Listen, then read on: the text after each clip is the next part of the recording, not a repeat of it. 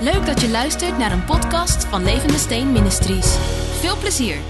Ik ben gekomen, ja, opdat zij leven hebben en overvloed. Zie je? Ik ben gekomen opdat zij leven hebben en overvloed. En dit woord leven hier is het woord zoe, is het Griekse woord zoe. Het betekent Gods leven. En als je wil weten wat Gods leven is, kijk naar Jezus Christus.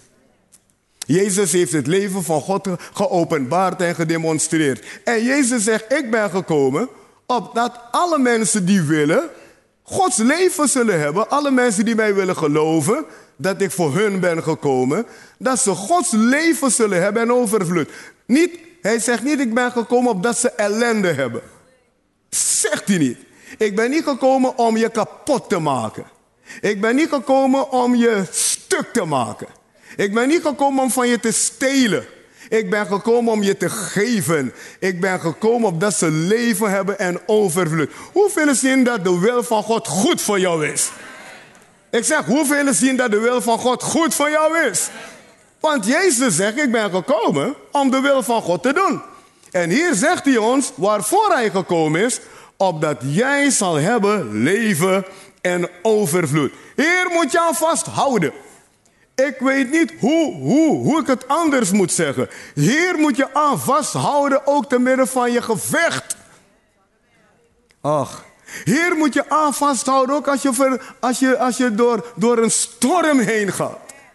Hier moet je aan vasthouden als alles om je heen in de war is. Oh, ik, eh, mijn mensen, eh, ik, ik, ik breng geen goedkope preek vandaag. Ik probeer je te helpen, want we zitten in een woelige wereld. Hier moet je aan vasthouden als alles aan je trekt. Hier moet je aan vasthouden als alles zegt, het lukt niet. Hier moet je aan vasthouden als alles zegt, jij bent een loser. Hier moet je aan vasthouden als het lijkt alsof iedereen tegen je is. Oh. Je moet, dit, is, dit moet je basis zijn. Hij is gekomen om mijn leven en overvloed te geven. Want als jij niet vasthoudt, kan je niet overwinnen. Door te vasthouden aan Gods woord geef je God de gelegenheid om zijn wil uit te werken in je leven. Daarom praat de Bijbel over volharden. De christen die niet wil volharden, kan niet overwinnen. Dat kan niet. Er is een volharding is, een, is deel van het christenleven. Vasthouden aan de wil van God. Jezus heeft dat gedaan. Hij heeft vastgehouden aan de wil van God al die jaren. Paulus heeft dat gedaan. Hij heeft vastgehouden aan de wil van God al die jaren. Dit is de reden waarom Paulus zegt: Ik kan alle dingen doen door Hem die mij kracht geeft. Dat zei hij niet terwijl alles goed was hoor. Dat zei hij in de gevangenis. Kunt u volgen wat er hier gaande is? Wij, wij, gebruiken die tekst van ik vermag alle dingen door Christus die me kracht geeft. En het is goed om het te gebruiken. Maar weet wel dat de eerste keer dat een man dit gebruikte, zat hij in de gevangenis. In een Romeinse gevangenis. Filippenzen 4, vers 13. En daar zegt hij ook: Ik heb geleerd om niet van de omstandigheden afhankelijk te zijn. Dat zegt Paulus, hè? Ik heb geleerd wil je buurman zeggen, sommige dingen moet je leren. Ik heb, en ook zeg, ook in het geloofsleven moet je dingen leren. En Paulus zegt, ik heb geleerd om onafhankelijk te leven van de omstandigheden. Dat is iets wat je moet leren. Vandaar dat hij in Filippenzen 4 zegt, ik kan alle dingen doen door de Heilige Geest die me kracht geeft. Nou, dat is een man die dus de wil van God heeft ontdekt. En in de gevangenis raakt hij niet in de war. Even doordenker. In de gevangenis raakt hij niet in de war. In de gevangenis is het niet, God is me vergeten, God is niet met me, waarom heb ik deze ellende? Want zo praten mensen, hè? Waarom zit ik in de gevangenis? Waarom deze ellende? Waarom deze moeilijkheden? Waarom ben ik mijn baan kwijtgeraakt? Waarom zus? Waarom doen mensen lastig? Nou, die dingen gebeuren op aarde, maar God heeft er geen aandeel aan. God heeft Jezus gestuurd om jou te helpen. En Paulus in de gevangenis, in die Romeinse gevangenis, kent dit principe. En in plaats van te klagen zegt hij, ik kan alle dingen doen Door de Heilige Geest die mij helpt. Dat is een man die zijn huiswerk gedaan heeft. Dat is een man die constant zijn denken aan het trainen is geweest. Want als je denken niet traint en je raakt in een gevangenis, heb je een probleem. Want in de gevangenis, en daarmee bedoel ik moeilijke omstandigheden, heb je een getraind denken nodig. Hoeveel weten waar ik over praat?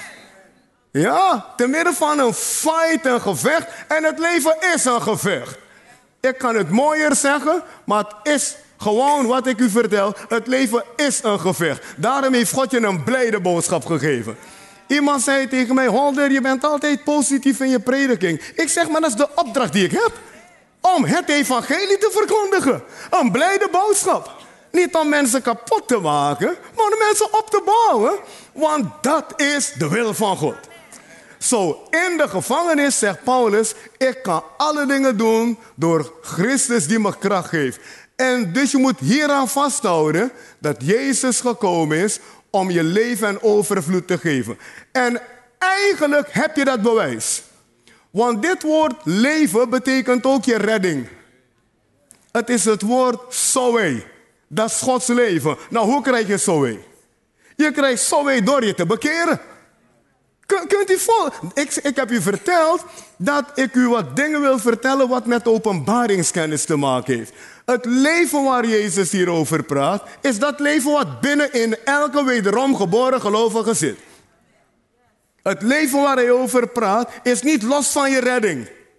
Is deel van het pakket. Ik ben gekomen, eigenlijk had hij hier kunnen zeggen, ik ben gekomen om je te redden en dat je leeft in mijn overvloed. Nu, hoeveel hier kunnen zeggen, ik ben gered door Jezus Christus? Hoeveel, hoeveel hier kunnen zeggen, God woont in mij? Dan heeft u dit binnen in u. Dan zit dit binnen in u. Want hij is gekomen opdat je het zal hebben. De kunst is nou om Gods woord vast te houden.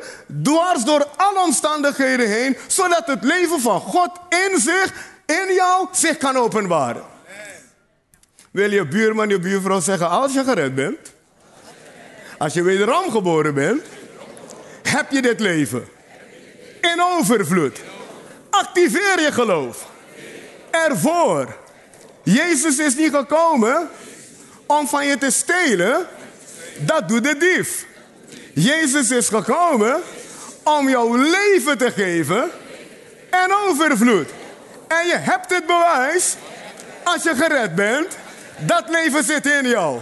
Dan is de rest ook van jou. Halleluja! Hey! hey. Woe! Prijs Heer. Zie je, de, de Bijbel helpt je. Stap voor stap leidt God je om je te laten zien hoe dingen gelegen zijn. Met zo'n openbaring en zo'n wijsheid hoef je nooit aan de wil van God te twijfelen. Of je dingen ziet werken bij mensen of niet, jij moet de wil van God kennen. Of het al heeft plaatsgevonden in je leven of niet, jij moet de wil van God kennen en aan die wil vasthouden. Je bent verantwoordelijk als gelovige om je geloof te activeren voor de wil van God. Kinderen van God, wederom geboren kinderen van God die naar mij luisteren, laat je niet beroven van wat de Heer je gegeven heeft. Ja, er is een dief die wil stelen. Er is een dief die, wil, die je wil beroven van wat God je gegeven heeft. Daarom moet je sterk zijn in de wil van God en dan kan je de dief en de vijand verslaan. In Lucas 4, vers 18, dan zegt Jezus, de Heilige Geest is op mij en hij heeft mij gezalfd om aan armen een blijde boodschap te brengen. Zie je weer de goedheid van God hier? Hij zegt, de Heilige Geest van God is op mij. God heeft mij gezalfd om aan armen, armen van geest, mensen die beroofd zijn van alles, maar ook arme mensen. Eigenlijk alle mensen. Eigenlijk zijn alle mensen zonder God arm. Je bent arm omdat je niet zijn rijkdom, zijn blijdschap hebt, zijn genade hebt. Je hebt geen eeuwig leven. Dus met het oog op de eeuwigheid ben je arm. En hij zegt, ik ben gekomen om aan armen niet ellende te verkondigen, niet de hel te verkondigen, niet dood en verderf te verkondigen. Ik ben gekomen om aan arme mensen de blijde boodschap te brengen. Is dit mooi of niet, mensen? Dus je hoeft nooit te twijfelen aan Gods goede gedachte over jouw leven. In je momenten van twijfel, in je momenten van vertwijfeling. In momenten dat omstandigheden je een heel andere boodschap vertellen. Wij zijn allemaal gelijk. Als je in vervelende omstandigheden bent, praten ze hard. Praten ze luid. En doen ze alsof zij de stem van God zijn. Maar je moet de stem van God kennen. Als je de stem van God niet kent en je kent de wil van God niet, ga je een verkeerde stem geloven in je moeilijke momenten. Want als je het moeilijk hebt, komen gedachten. Hoeveel weten waar ik over praat in deze zaal? Als je het moeilijk hebt, komen gedachten, dingen. Ach man, het, zijn zoveel gedachten die komen. Ik wil niet eens eraan beginnen om, om, om ze aan te halen voor jou. In die momenten moet jij de gedachten van God kennen. Want in moeilijke momenten praten deze gedachten keihard. Je ligt s'avonds in bed, drie uur s'nachts, je wil slapen, je kan niet slapen. Het is alsof er, alsof er gegild wordt in je hoofd. Hoeveel weet waar ik over praat? Alsof er gegild wordt in je hoofd. Je gaat kapot, dit gaat niet goed, het gaat fout, je, je gaat het mis, je gaat failliet, weet ik allemaal. Als in die momenten jij niet sterk bent in de wil van God, heb je een probleem. Want de vijand praat hard in moeilijke omstandigheden. En dan moet jij ook sterk zijn in de wil van God. Je kan beter hier naar luisteren. Dit is praktijk. En als je dit niet leert, Paulus zegt ik heb geleerd. Als je dit niet leert, kan je wanhopig raken en in paniek raken. Want de voorganger is niet elke dag bij jou. De regioleider is niet elke dag bij jou. Je bent heel wat van de tijd alleen op jezelf. En je moet leren vechten. En je kan ook niet de hele dag bellen naar iedereen. Bid voor me, bid voor me, bid voor me, bid voor me. Dat is paniek. Je moet tot een plek komen dat je zegt, ik ken de wil van God. Ik ben blij dat mensen met me bidden. Ja, lo creo. Ik geloof de wil van God. Halleluja. Kunnen we God glorie geven, mensen? Ik weet waar ik over praat. Ik weet dat dit zo is. En iedereen die me, naar me luistert, zeker wederom geboren gelovigen, moet zeggen: het is waar. Er zijn momenten dat je er alleen voor staat. Je bent in de samenkomst, maar je slaapt niet in de samenkomst. Je kookt niet in de samenkomst. Je, je, je, woont niet hier. Je komt hier voor een paar uur en dan ga je daar weer in die ruwe wereld. Dus je moet leren sterk te staan in de wil van God. De wil van God te kennen en een vuist tegen de vijand te maken. Dat zij moeten leren, anders komt er paniek. Anders komt er moedeloosheid. Anders komt er negativisme. Anders komt er, ik ga niet meer naar de kerk. Het hoeft niet meer. Ik lees mijn Bijbel niet meer. Dat is nou precies wat de vijand wil. Want dan ben je power kwijt.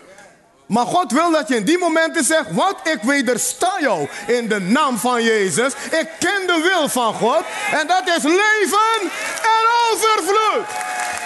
Halleluja. Wauw! En in Lucas 4, we gaan verder lezen. Want wat zegt hij verder? Hij zegt, hij heeft me gezalfd om aan armen het evangelie te brengen. Geef me het vervolg van het vers. Hij heeft me gezonden, let op, hij heeft me gezonden. Dus dit is de wil van God. Dit is de wil van God. Ik ben gekomen om de wil van God te doen. Hij heeft mij gezonden, niet om je kapot te maken. Hij heeft me gezonden, niet om je in de gevangenis te gooien. Hij heeft me gezonden, God heeft mij gezonden om gevangenen loslating te verkondigen. Om blinden het gezicht te geven. Geestelijk en ook in het natuurlijke. God doet wonderen. En om verbrokenen van hart heen te zenden in vrijheid. Weet je hoeveel verbrokenen van hart we in deze wereld hebben? Oh, weet je hoeveel gebroken harten er zijn? En Jezus zegt, ik ben gekomen, mijn opdracht is om verbrokenen heen te zenden in vrijheid. En hier komt het. En om te verkondigen het aangename jaar van de Heer. Dus Jezus is niet gekomen om iets onaangenaams te brengen. Mensen, hoe duidelijker moet God ons nog zeggen wat zijn wil voor ons is? Hij zegt, ik ben niet gekomen om een onaangename boodschap te brengen. Ik ben gekomen om een aangename boodschap te brengen. Dit was de podcast. Bedankt voor het luisteren. En als je op de hoogte wilt blijven, kun je ons vinden op Facebook en Instagram.